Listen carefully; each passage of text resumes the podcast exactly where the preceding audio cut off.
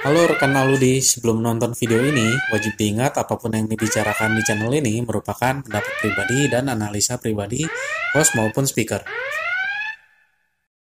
Oke semuanya, halo balik lagi di podcastnya Aludi hari ini. Hari ini ada Devin. Jadi hari ini kita datangkan tamu salah satu eh, penyelenggara kita itu adalah Bro Vincent dari Bishare. Halo. Halo halo bro. Bro, halo halo bro. Oh halo halo halo. Halo, teman-teman. bro. Iya. Ya. Jadi Bro, gimana bro hari ini? Sehat? sehat sehat. Sehat ya. Ka- eh, kantornya jauh ya bro ya? Oh kantor kita di Menteng. Oh menteng Iya lumayan deket ya. lumayan. Tapi tetap masih WFH semua sih. Oke oke oke. Tadi macet gak ke sini? Eh, agak sepi kebetulan. Agak sepi ya. Iya iya. Oke oke oke.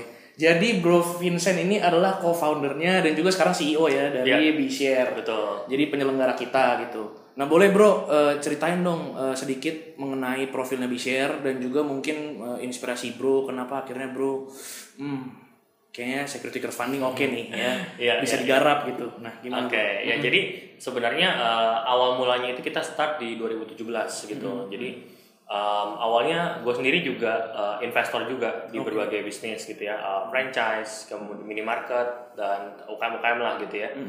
Nah waktu itu gue juga start eh, mulai itu 2016 nggak punya duit yang banyak lah untuk mulai invest. Karena biasa kalau kita mau mulai invest tuh butuh modal kan ratusan juta sampai satu miliar kalau kita mau bikin eh, sebuah bisnis gitu ya. Nah dari situ gue ajak nih teman-teman yang lain untuk uh, yuk ikutan join bisnis bareng gue gitu kan. Oke. Nah dari sana kepikiran kenapa enggak kalau konsep ini kita bawa bukan buat teman-teman kita aja nih, Oke. tapi buat seluruh masyarakat Indonesia bisa ikutan dan lebih banyak bisnis yang bisa kita bantu. Gitu. Jadi dari sana Oke, gimana nih caranya? Ya udah kita bikin platform gitu. Hmm. Habis share waktu itu equity crowdfunding bahkan ceritanya dulu belum ada tuh yang namanya istilah equity crowdfunding gitu. Oh iya. Jadi di peraturannya belum ada, kita ke OJK mereka juga apa nih gitu, mereka nggak tahu Oh, juga. iya, gitu. menarik. Jadi, jadi kita uh, sama OJK malah nyusun bareng lah POJK 37 waktu itu. Oke. Jadi kita memang salah satu yang pertama yang ya kita gimana nih caranya supaya ini bisa jalan gitu. Jadi ya perjalanan sih dari uh, dari sana seru banget sih dari sampai Hmm. sekarang gitu ya. Oke oke oke. Menarik ya bro. Untuk sekarang sendiri di- kalau dari Bshare sendiri udah bagaimana perkembangan dari Bshare sendiri? Apakah udah berapa banyak penerbit gitu-gitu? Oke, em, saat ini kita sekarang uh, penerbit udah sekitar 56 ya, 56 penerbit. Uh, total disbursement dananya udah hampir 50 miliar sejauh ini. Uh, dan uh, investor kita terdaftar itu sekitar 75 ribu di seluruh Indonesia gitu. Oke oke oke. gitu sih. Oke, mungkin eh, kalau dari aku sendiri ya, mungkin kalau dari saya sendiri saya mau nanya sih, eh, fenomena startup ini kan lagi rame banget ya. Semua orang berbondong-bondong bikin startup gitu kan, termasuk Ya, eh, ya mungkin di sini bro juga startup gitu. Kalau dari bro sendiri dalam perjalanan bro membangun startup terutama Bshare ya, itu eh, awal-awal struggle-nya kayak gimana gitu? Apa apakah eh, seperti yang kayak di film Korean drama itu ya kan? Apa nah, habis itu apa pengalaman Bro pas lagi pertama kali mungkin Bro pitching? Nah, itu gimana tuh? Boleh ceritain nggak? See. Iya, iya, iya. Jadi sebenarnya em, kalau gue sendiri bisa lumayan relate sih sama yang Korean drama itu. Oke. Kar- karena apa? Karena um, uh, ini dari awalnya itu kita uh, starting itu dari ide gitu ya.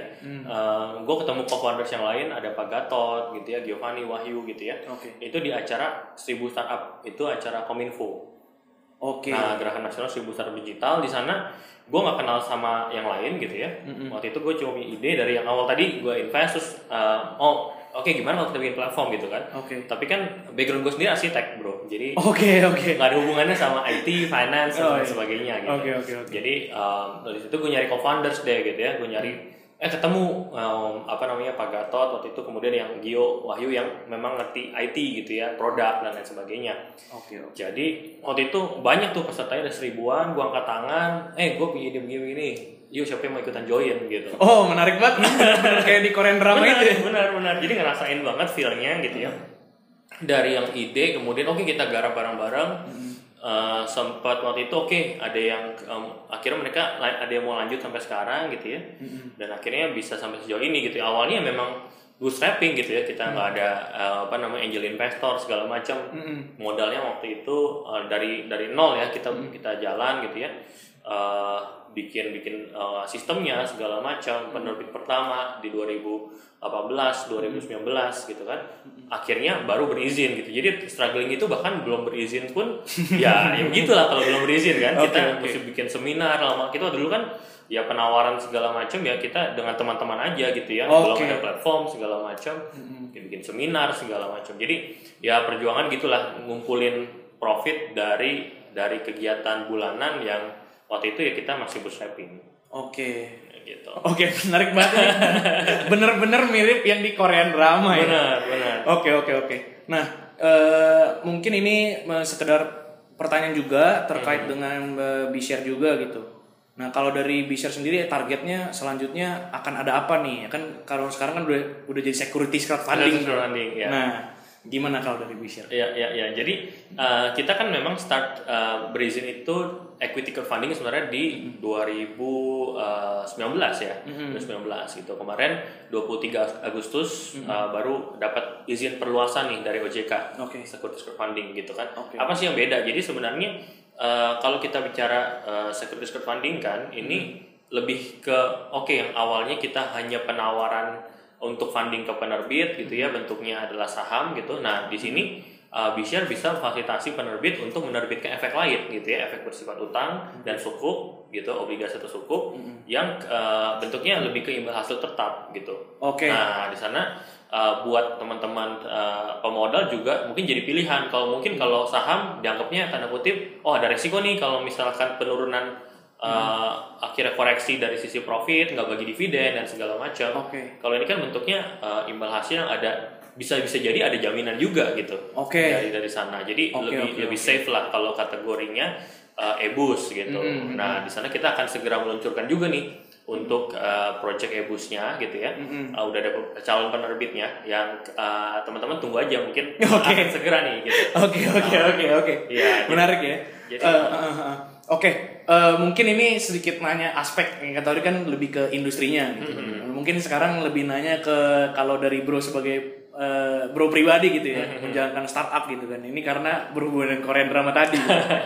Pengalaman bro nih pertama kali pitching, apa yang bro rasakan? Pressure apa yang bro rasakan? Apakah bro bingung gitu kan? Apa bro kalau kalau dari bro apa perasaan apa yang bro rasakan pas itu? Oke, Em, pitching ya, pitching pertama kali waktu awal banget itu, em, waktu itu modal PD aja sih gitu. Oke. Karena karena gue gue mikir kalau misalkan sekarang gue nggak angkat tangan gitu, Hmm. bakal susah karena itu ribuan orang di situ. Gimana Oke. caranya kita bisa nyari teman di situ ribuan orang? Iya, kan? iya. Mau nggak mau gue mesti angkat tangan gitu kan? Oke. Angkat tangan maju ke depan, gue ceritain waktu itu cuma satu menit gue boleh pitching. Oke. Satu menit jelasin, oke.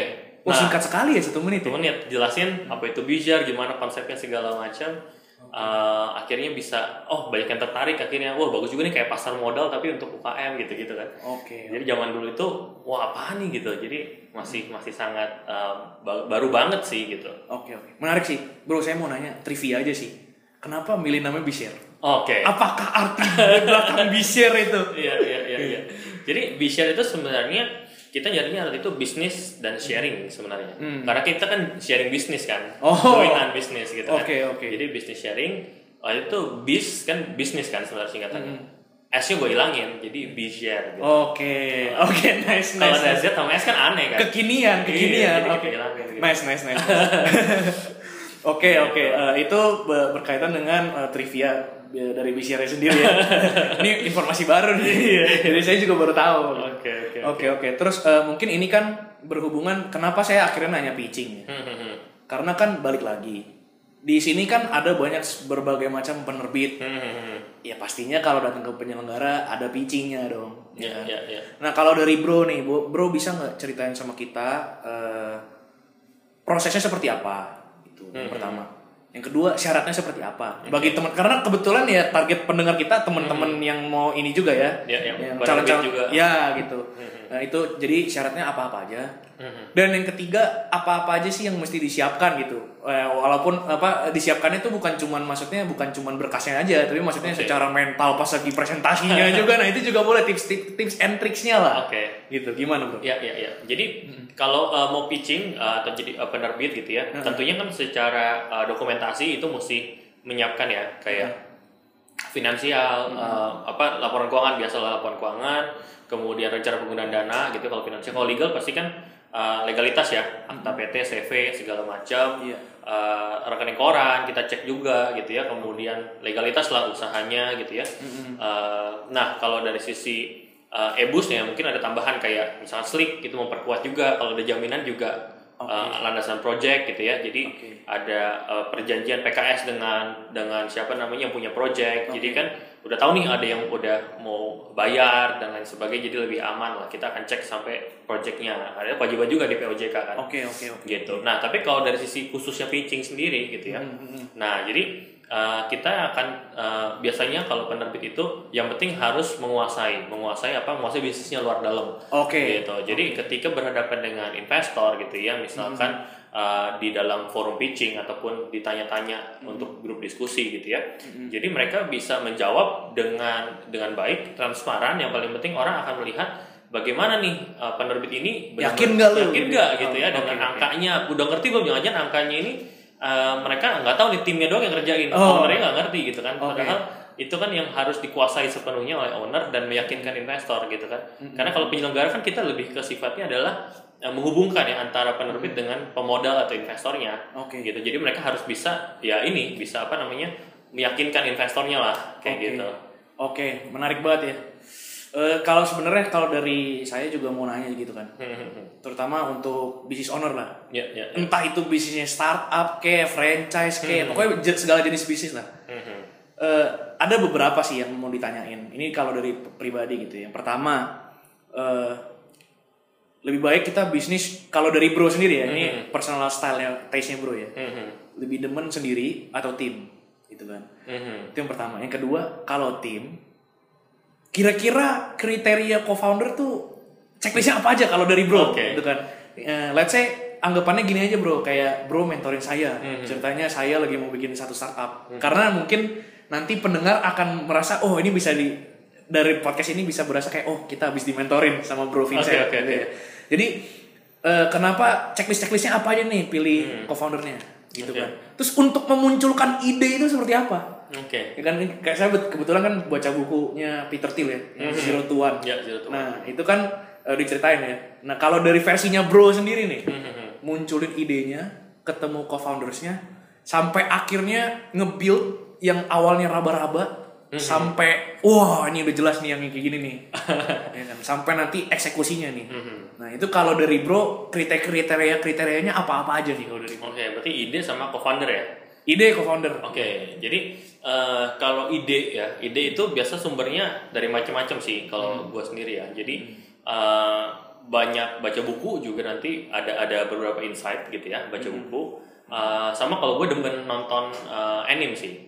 Oke. Iya. Oke, oke. Jadi anime ini gue tiap minggu hampir eh, hampir tiap minggu weekend gue nonton gitu. Oke, oke. Nah di anime itu enaknya adalah itu kan film gitu ya buatan ada orang yang jadi sutradara di sana tapi kalau anime itu enaknya out of the box Oke. gitu. Kalau kita uh, film syuting kan ada harus ada orang realnya. Kalau itu kan dia bisa dibuat gitu kan. Oh, iya. Jadi idenya tuh bisa luas banget. Bisa gitu. wild banget juga Wild ya? banget juga gitu. Jadi Oke. kalau gue boleh cerita di Bishar sendiri awalnya juga ada insight dari anime tersebut. Oke, menarik. Anime apa yang jadi insight? Iya, jadi jadi ada ada anime namanya Lock Horizon. Oke. Lock Horizon ini ceritanya ada orang yang di kehidupan nyata terus tiba-tiba masuk ke dalam dunia alternate dimension gitu. Oke. di mana di sana itu dia berhasil eh, dia itu berhasil meyakinkan orang untuk membeli sebuah bank beserta gedungnya dengan Oke. konsep dia meyakinkan orang patungan dan lain sebagainya. Oh, Iya. menarik banget ya. Jadi jadi, Jadi, itu salah satu insight juga. nonton anime bisa bikin startup, teman-teman. Oke, menarik banget ya. Oke, oke. Oh, eh, itu ide ya, ide ya. Ide, ide. Oke, oh, sekarang co-founder, co-founder. Oke, jadi kalau co-founder ini, um, kalau gue sendiri uh, sarankan adalah um, gue lebih suka bisnis itu kolaborasi sih sebenarnya. Karena kalau sendiri kita pusing sendiri. Gue dulu udah pernah bisnis sendiri juga. Oke, sebelum di-share. Uh, gue punya e-commerce, jualan segala macam, which is oke. Tapi begitu kita mau scale up, uh, memang uh, akan akan ada banyak karena kan waktu itu tetap sendiri gitu Oke, kan. Kalau kita hire pun jadi karyawan bukan bukan uh, banyak founders yang bantuin mikirin pengembangan perusahaan gitu. Um, Tapi cara memilihnya balik lagi kalau gue sendiri tipsnya adalah kita harus uh, pilih um, co-founders yang bisa melengkapi kebutuhan kita. Hmm. Kayak gue sendiri, gue sendiri uh, memang backgroundnya di digital marketing, ada Hmm. kuat di uh, bisnis juga, udah pernah jalanin bisnis sebelumnya. Tapi Hmm. gue nggak bisa, gue nggak bukan orang finance sebenarnya. Oke, Jadi oke. analisa penerbit lebih ke co-founder gue apa Gatot gitu. Oke. Jadi dia orang uh, dia S2 uh, Master of Finance gitu Hmm, kan uh, di UI gitu ya. Dia udah pernah kerja di perusahaan TBK segala macam Oke. di direksi juga. Jadi pengetahuan jam terbangnya bisa di sana. Kemudian uh, Giovanni sama Wahyu juga latar belakangnya teknologi, produk gitu ya. Jadi bisa merealisasikan ide tadi gitu. Jadi kalau gua bayangkan kalau gua tanpa mereka gitu ya, ini cuma sekedar ide yang tidak akan terrealisasi gitu. Iya. Karena nggak bisa tuh jalan kalau nggak ada eksekutornya dan eh, dan tim yang eh, istilahnya kalau kita bilang namanya vision mastermind ini orang di balik layarnya ini orang-orang hebat semua istilahnya gitu. Oke, menarik, menarik. Oke nih, eh, bro, ada lagi nih bro ya, pertanyaan. Tadinya sebenarnya kalau kita ngomongin terms of reference-nya, kita ngomongnya sebenarnya nggak sedalam ini harusnya. ini udah bercabang nih. Ini dari dari sayanya sendiri juga jadi banyak mau nanya gitu. Iya, oke nih kalau dari eh, bro sendiri, bro kan backgroundnya dulu arsitek. Mhm. Kebetulan saya juga backgroundnya teknik sipil. Teknik sipil, Iya, oke. iya, Tim konstruksi ya. Ya sama dong Tim gitu tukang ya. bangunan. Iya ya. Jadi eh, mindset apa yang co-founder harus punya, co-founders itu harus punya. Padahal dia backgroundnya bukan di situ gitu loh. Mhm. Ya kan, mungkin kan pasti bro ngerasain dong eh, struggle-nya apa gitu. Pas lagi, aduh, backgroundnya bukan orang tech, Mhm. bukan orang finance, ya kan, Eh, orang arsitek gitu kan. Mhm.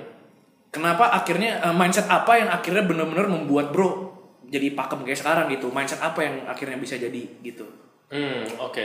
Jadi waktu dulu itu kenapa sih gua akhirnya dari arsitek gitu ya sampai move ke sekarang fintech gitu ya. Itu kan pasti adaptasinya susah tuh. Nah, ya kan? nah itu begitu. Mindset apa itu?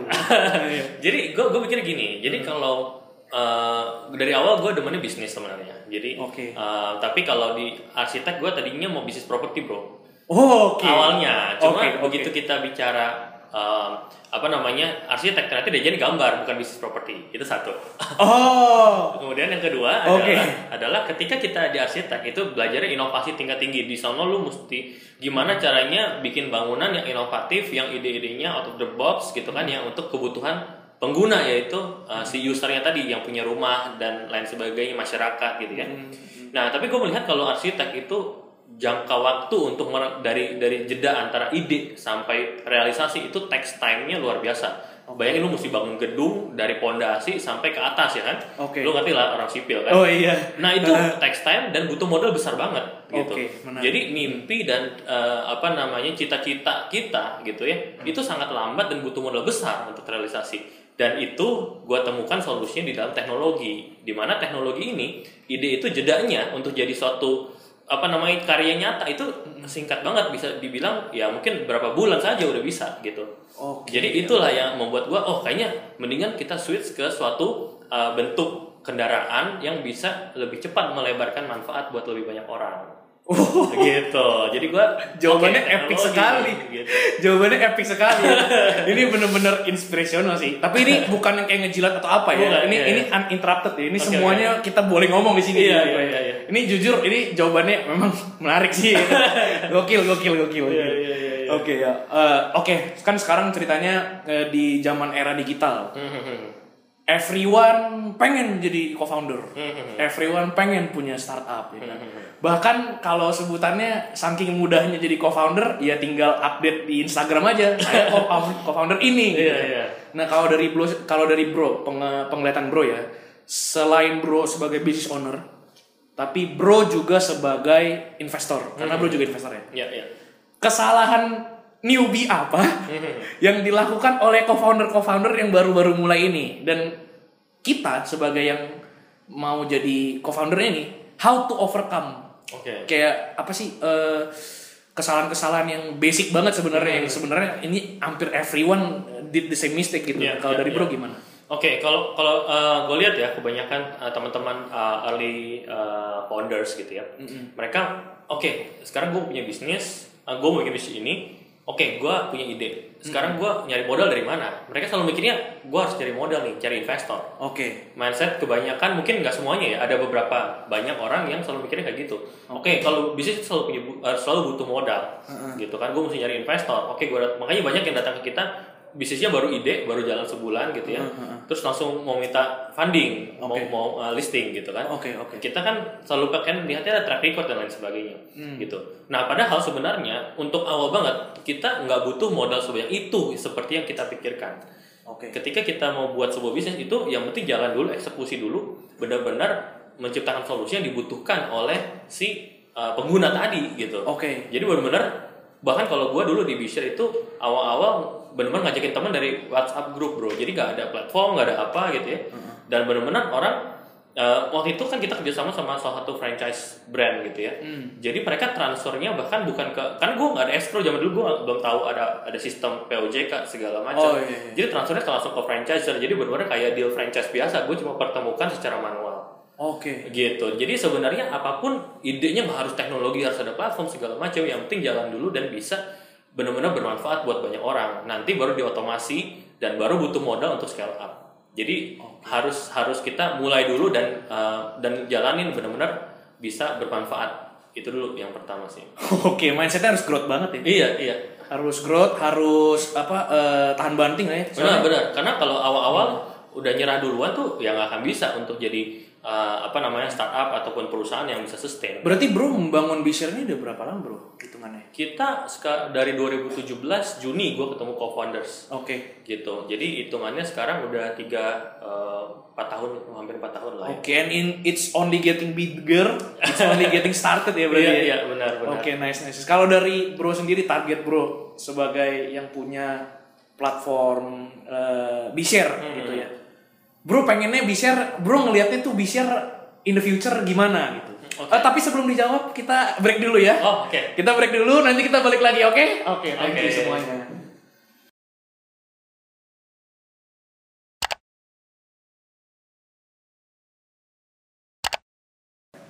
Oke, balik lagi di podcast. Tadi terakhir kita ngomongin bro sebagai business owner, ya sebagai investor juga. Bro, dreamnya ngelihat Bishare nih gimana bro? Mungkin 10 years from now, Oke. what can you expect gitu? ya ya ya ya Em, sebenarnya eh, dari awal kita punya mimpi sih bahwa sebenarnya eh, tujuan kita membuat securities crowdfunding kan untuk tadi demokratisasi lah ya untuk investasi dan lain sebagainya nah eh, untuk 10 tahun ke depan sih kita expectnya nggak cuma di Indonesia bro Oh, nice. kita going internasional gitu. Oke. Jadi bayangkan bayangin kalau penerbit kita bisa diinvest sama bule-bule gitu ya. Oh. Ataupun kita bisa invest ke perusahaan bule gitu kan. Oh, Nah, oke jadi- oke oke. Jadi kita akan bikinin borderless gitu ya, satu dunia bisa bayangin bule-bule di Amerika bisa invest restoran padang sederhana misalnya. Luar biasa. Oke Gitu. oke oke. Jadi oke. kita mau bikin ekosistem nih, ekosistem bisnis dan investasi. Ya harapannya kita menjadi yang terbesar di Asia Tenggara dulu. Habis itu sekalian kita go internasional di 10 tahun. Kemudian ya IPO pastinya. Hmm, Seperti itu. Oke oke oke menarik ya. Eh, kalau dari Bro nih, eh, tadi sebagai cita-citanya Bro di B-Share gitu. Eh, sekarang kita udah agak off track dikit ya. Oke, oke. Karena kita uninterrupted. Jadi semuanya boleh Iya, ceritain. iya, Oke. iya. Kalau dari Bro sendiri, eh, Bro pertama kali mulai investasi dari kapan Bro?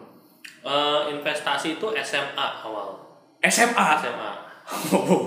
SMA itu pertama kali invest apa tuh? Eh, gua eh, waktu itu kan jualan pulsa tuh waktu zaman SMA. Gua Oke. Jualan pulsa, gua Oke. ada dana dikit keuntungan, gua masukin deposito. Oke. Karena waktu itu gua ngerti deposito. Oke. Gitu. Oke, jadi dari SMA udah deposito. Hmm. Iya. Kalau dari Bro sendiri nih, eh, saran Bro untuk temen-temen yang seumur saya ya kan, seumur seumur saya yang umur baru-baru baru lulus gitu kan.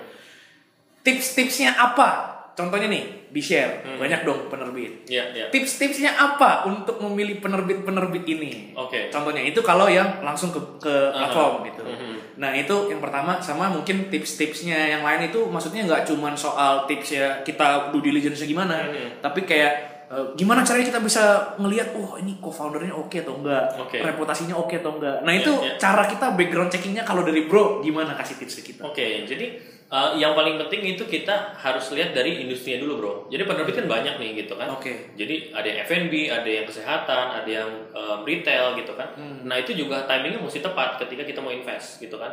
Ada ada uh, teman gue juga investor juga, gitu ya. Hmm. Uh, dia invest di investor di Bishare juga, gitu. Dia uh, apa namanya uh, invest nih sebuah penerbit yang Hmm. uh, ini adalah F&B gitu.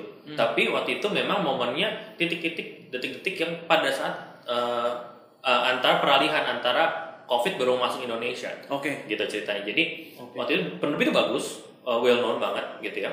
Uh, dan track uh, track recordnya juga oke gitu ya. Tapi memang timingnya waktu itu memang lagi uh, kaget gitu ya Indonesia kan lagi kaget Oke, gitu oke, ya. oke. Akhirnya uh, apa namanya uh, performance-nya nggak bisa maks- semaksimal yang uh, sebelumnya gitu. Hmm, Jadi uh, itu timing kalau kita bicara timing gitu ya. Oke. Kemudian yang kedua adalah tadi kita uh, manajemen ya kita mesti lihat gimana sih supaya kita tadi akurat gitu ya dalam uh, menilai gitu kan. Nah biasanya uh, apa pun yang nggak cuma di Vision ataupun di di seluruh investment yang ada instru- instrumen investasi kita harus tahu dulu nih detailnya seperti apa gitu ya. Detailnya manajemen perusahaannya, kemudian track record historicalnya, latar belakangnya uh, dan apa sih visinya ke depan gitu. Nah untuk untuk dia untuk perusahaan ini gitu. Oke. Dan uh, nanti di sana kalau kita udah tahu nih, uh, oke saya tertarik nih uh, bisnisnya oke, manajemennya bagus, nanti baru invest dan itu juga jangan langsung taruh modalnya langsung blok semuanya di situ gitu. Jadi dengan adanya uh, security crowdfunding sebenarnya dengan mudahnya kita bisa diversifikasi bro. Oke. di Nah diversifikasi kita tadi punya uang 100 juta, mending kita invest 10 juta di 10 bisnis. Oke. Jadi 10 bisnis ini adalah bukan cuma 10 penerbit um, uh, yang kita uh, hitung gitu ya, tapi lebih ke oke kita punya uh, outlet misalnya atau kita punya bisnis itu jadi macam-macam gitu. Satu lokasi ternyata kurang oke, kita punya lokasi 9 lokasi lainnya. Industri lagi uh, kurang kurang oke, kita punya industri lain yang lagi naik. Karena di setiap krisis itu selalu ada yang naik, ada yang turun. Oke. Nah, gimana cara kita ngakali kita harus ambil average, bro. Kita invest yang di banyak tempat dengan supaya dia namanya diversified the risk kayak gitu. Oke oke. Berarti time and management ya. Iya, betul. Oke. Yang pertama bercabang lagi pertanyaannya.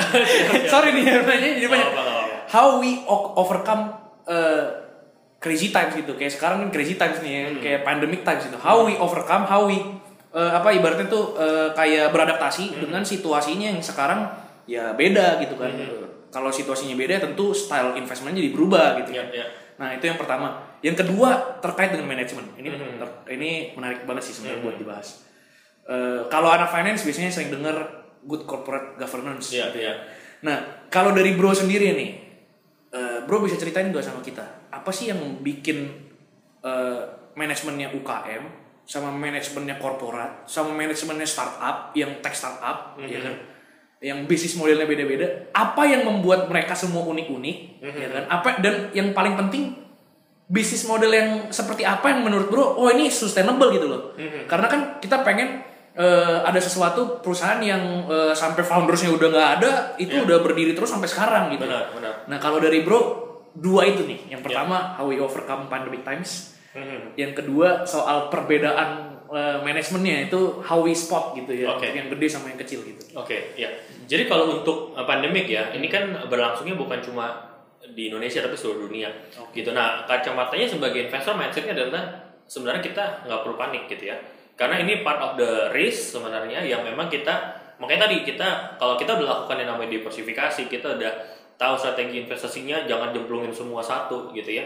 Harusnya ini akan berakhir juga pada waktunya gitu kan. Hmm. Dan uh, sebenarnya ketika yang pertama harus dilakukan adalah tetap tenang gitu ya sebagai investor Oke. tetap tenang dan kita berpikir dengan uh, dengan kepala jernih gitu. Misalnya, oke uh, bisnis uh, lagi turun, it's okay, nah itu wajar gitu kan. Asal tadi nyambung ke pertanyaan kedua, yang penting manajemennya uh, valid, val- manajemennya oke secara uh, apa good corporate governance-nya gitu kan. Oke, oke. Nah itu memang uh, salah satu tugas penyelenggara juga untuk due diligence memang gitu ya. Tapi kita lampirkan di sana uh, sesuai dengan kaedah-kaedah yang kita tentukan dan uh, pemodal ini bisa melihat gitu ya secara transparan seperti apa. Nah untuk kita melihat oh yang bagus yang mana nih gitu kan. Nah, itu cara melihatnya adalah biasanya kita harus uh, tahu manajemen ini punya sistem yang oke, tapi mindsetnya tadi uh, apa sistemnya sistem corporate yang udah ter, uh, maksudnya UKM tapi kalau bisa dia sistemnya setara corporate Iya, iya. dan seinovatif startup. Oh, gitu. oke oke oke oke oke. Ketemu yang model begitu gitu ya. Ah. Itu pasti bisa sustain bisnis jangka panjangnya. Karena dia udah ngerti gimana cara mengelola perusahaan walaupun dia masih UKM. Nah, itu balik lagi ke background foundersnya. Maka kita lihat nih, oh dia udah pernah di sini nih gitu Oh, kan. oke, di perusahaan oke. ini di sebelumnya dia sebagai manajer atau direksi di perusahaan lain yang udah oke misalnya. Oke. Gitu. Nah, tapi karena dia startup dia tahu nih inovasi ke depan visinya makanya kita di prospektus biasanya ada nih rencana ke depan seperti apa gitu kan apakah ini out of the box nggak nih gitu jangan-jangan dia dari tadi misalnya dari F&B oke dia bisa bikin uh, bikin yang uh, standalone misalnya. Jadi dia pindah kemudian bisa ada online yang dikuatin dan lain sebagainya gitu. Nah itu jadi jadi bisa nih. Oh ini bagus gitu ya. Nah jadi jadi memang balik lagi tergantung pilihan kita. Apakah kita mau nyari yang seperti itu atau memang ada juga tipe penerbit yang dia oke udah business as usual dan dia safe. Itu juga ada yang kayak gitu. Yang brandnya mungkin udah kita kenal di di mana-mana. Jadi itu balik lagi ke pilihan kita mau istilahnya bet for the future atau kita eh, apa namanya willing eh, oke untuk yang aman aja nih jadi itu preferensi resiko juga beda-beda sih Oh, risk profile ya. ya risk profile juga beda-beda Oke, itu harus diingat banget. Eh, perusahaan UMK, eh, UKM atau UMKM eh, punya manajemen yang kayak korporat, tapi kreatif kayak startup ini Ya, menarik nih. itu- ini itu ini kata kunci yang sangat menarik. ini eh, saya berani jamin ini tidak ada di podcast orang lain. ini di podcast ini saja, oke? Iya, iya, iya. Oke ya, oke menarik menarik ya. Hmm, menarik menarik. Oke jadi eh, kalau dari saya sendiri personally eh, saya thank you banget sama bro udah udah datang ke sini, udah sharing sama kita dan ya sharingnya bukan yang sharing umum-umum gitu ya, sharingnya ya, ya, ya agak nyentil-nyentil insider dikit ya. Gitu. Jadi eh, thank you banget. Kalau dari bro eh, bro silakan dong. Kalau bro ada pesan sama penonton bro ya kan yang pendengar-pendengar UKM ya ya. pesan-pesan sama penonton bro yang investor juga mungkin di B-share atau Ya. mungkin di ECF gitu ya eh, di SEF sekarang gitu. Eh, silakan bro kasih pesan bro. Di sini juga bro. Oke, iya. Heeh. Eh, Oke, eh, teman-teman. Nah, buat teman-teman eh, pelaku bisnis UKM gitu ya, uh, SCF ini uh, B-Share, eh, ini kita eh, saat ini kan eh, kemarin udah berusaha eh, mendapatkan izin resmi dari OJK untuk securities crowdfunding. Jadi eh, kita nggak kita nggak cuma membuka kesempatan buat teman-teman untuk menerbitkan efek saham gitu ya, tapi juga EBUS yaitu obligasi atau sukuk. Jadi teman-teman yang punya proyek pemerintah, BUMN gitu ya, perbankan yang butuh tambahan modal kerja gitu ya, yang modalnya ya kira-kira tenornya 2 tahun gitu ya. Kita bisa ngobrol nanti teman-teman bisa ke website kita di bishare.id Uh, dan juga kita akan rilis app nih buat teman-teman pelaku bisnis ataupun uh, ke investor juga kita akan uh, launching app kita di uh, tanggal 20 September. Jadi Wow, uh, bentar lagi. ya, ini akan akan jadi acara yang sangat seru gitu ya. Kita akan bikin conference yang cukup besar juga uh, grand launchingnya, undang regulator. Ntar saya diundang nggak? Ah, undang juga. Diundang, iya, iya. Aludi pasti kita undang juga Diundang, ya kan kita akan akan apa namanya rame-rame lah gitu. Kita Oke. merayakan dan sekaligus sharing-sharing akan banyak apa namanya bisnis owner yang datang dan investor bisa langsung ketemu secara virtual ya kita bikin online. Oke. Gitu. Jadi eh, teman-teman bisa eh, apa namanya belajar banyak lah bagaimana pandangan-pandangan eh, penerbit sukses gitu ya 20 September ya bro 25 acaranya bro grand launching ya Du- Oke, 25 September. September, Jadi ya. ditunggu 25 September. Saya Ya. juga nungguin. Saya pengen di, saya diundang, ye. Oke. Eh, thank you banyak. Jangan lupa di subscribe, di like, di follow Instagramnya. Nggak cuma Aludi, di share juga Boleh. tentunya ya. Bishare.id Yes, langsung aja semuanya website-nya dicekin ya. Ingat ya, kita kalau semua ya eh, berhubungan dengan investasi, eh, dengerin podcast kita oke banget ya. Langsung di follow. Mungkin kalau misalnya ada yang berhubungan dengan B-Share, langsung aja LinkedIn juga boleh segala Siap. macam ya.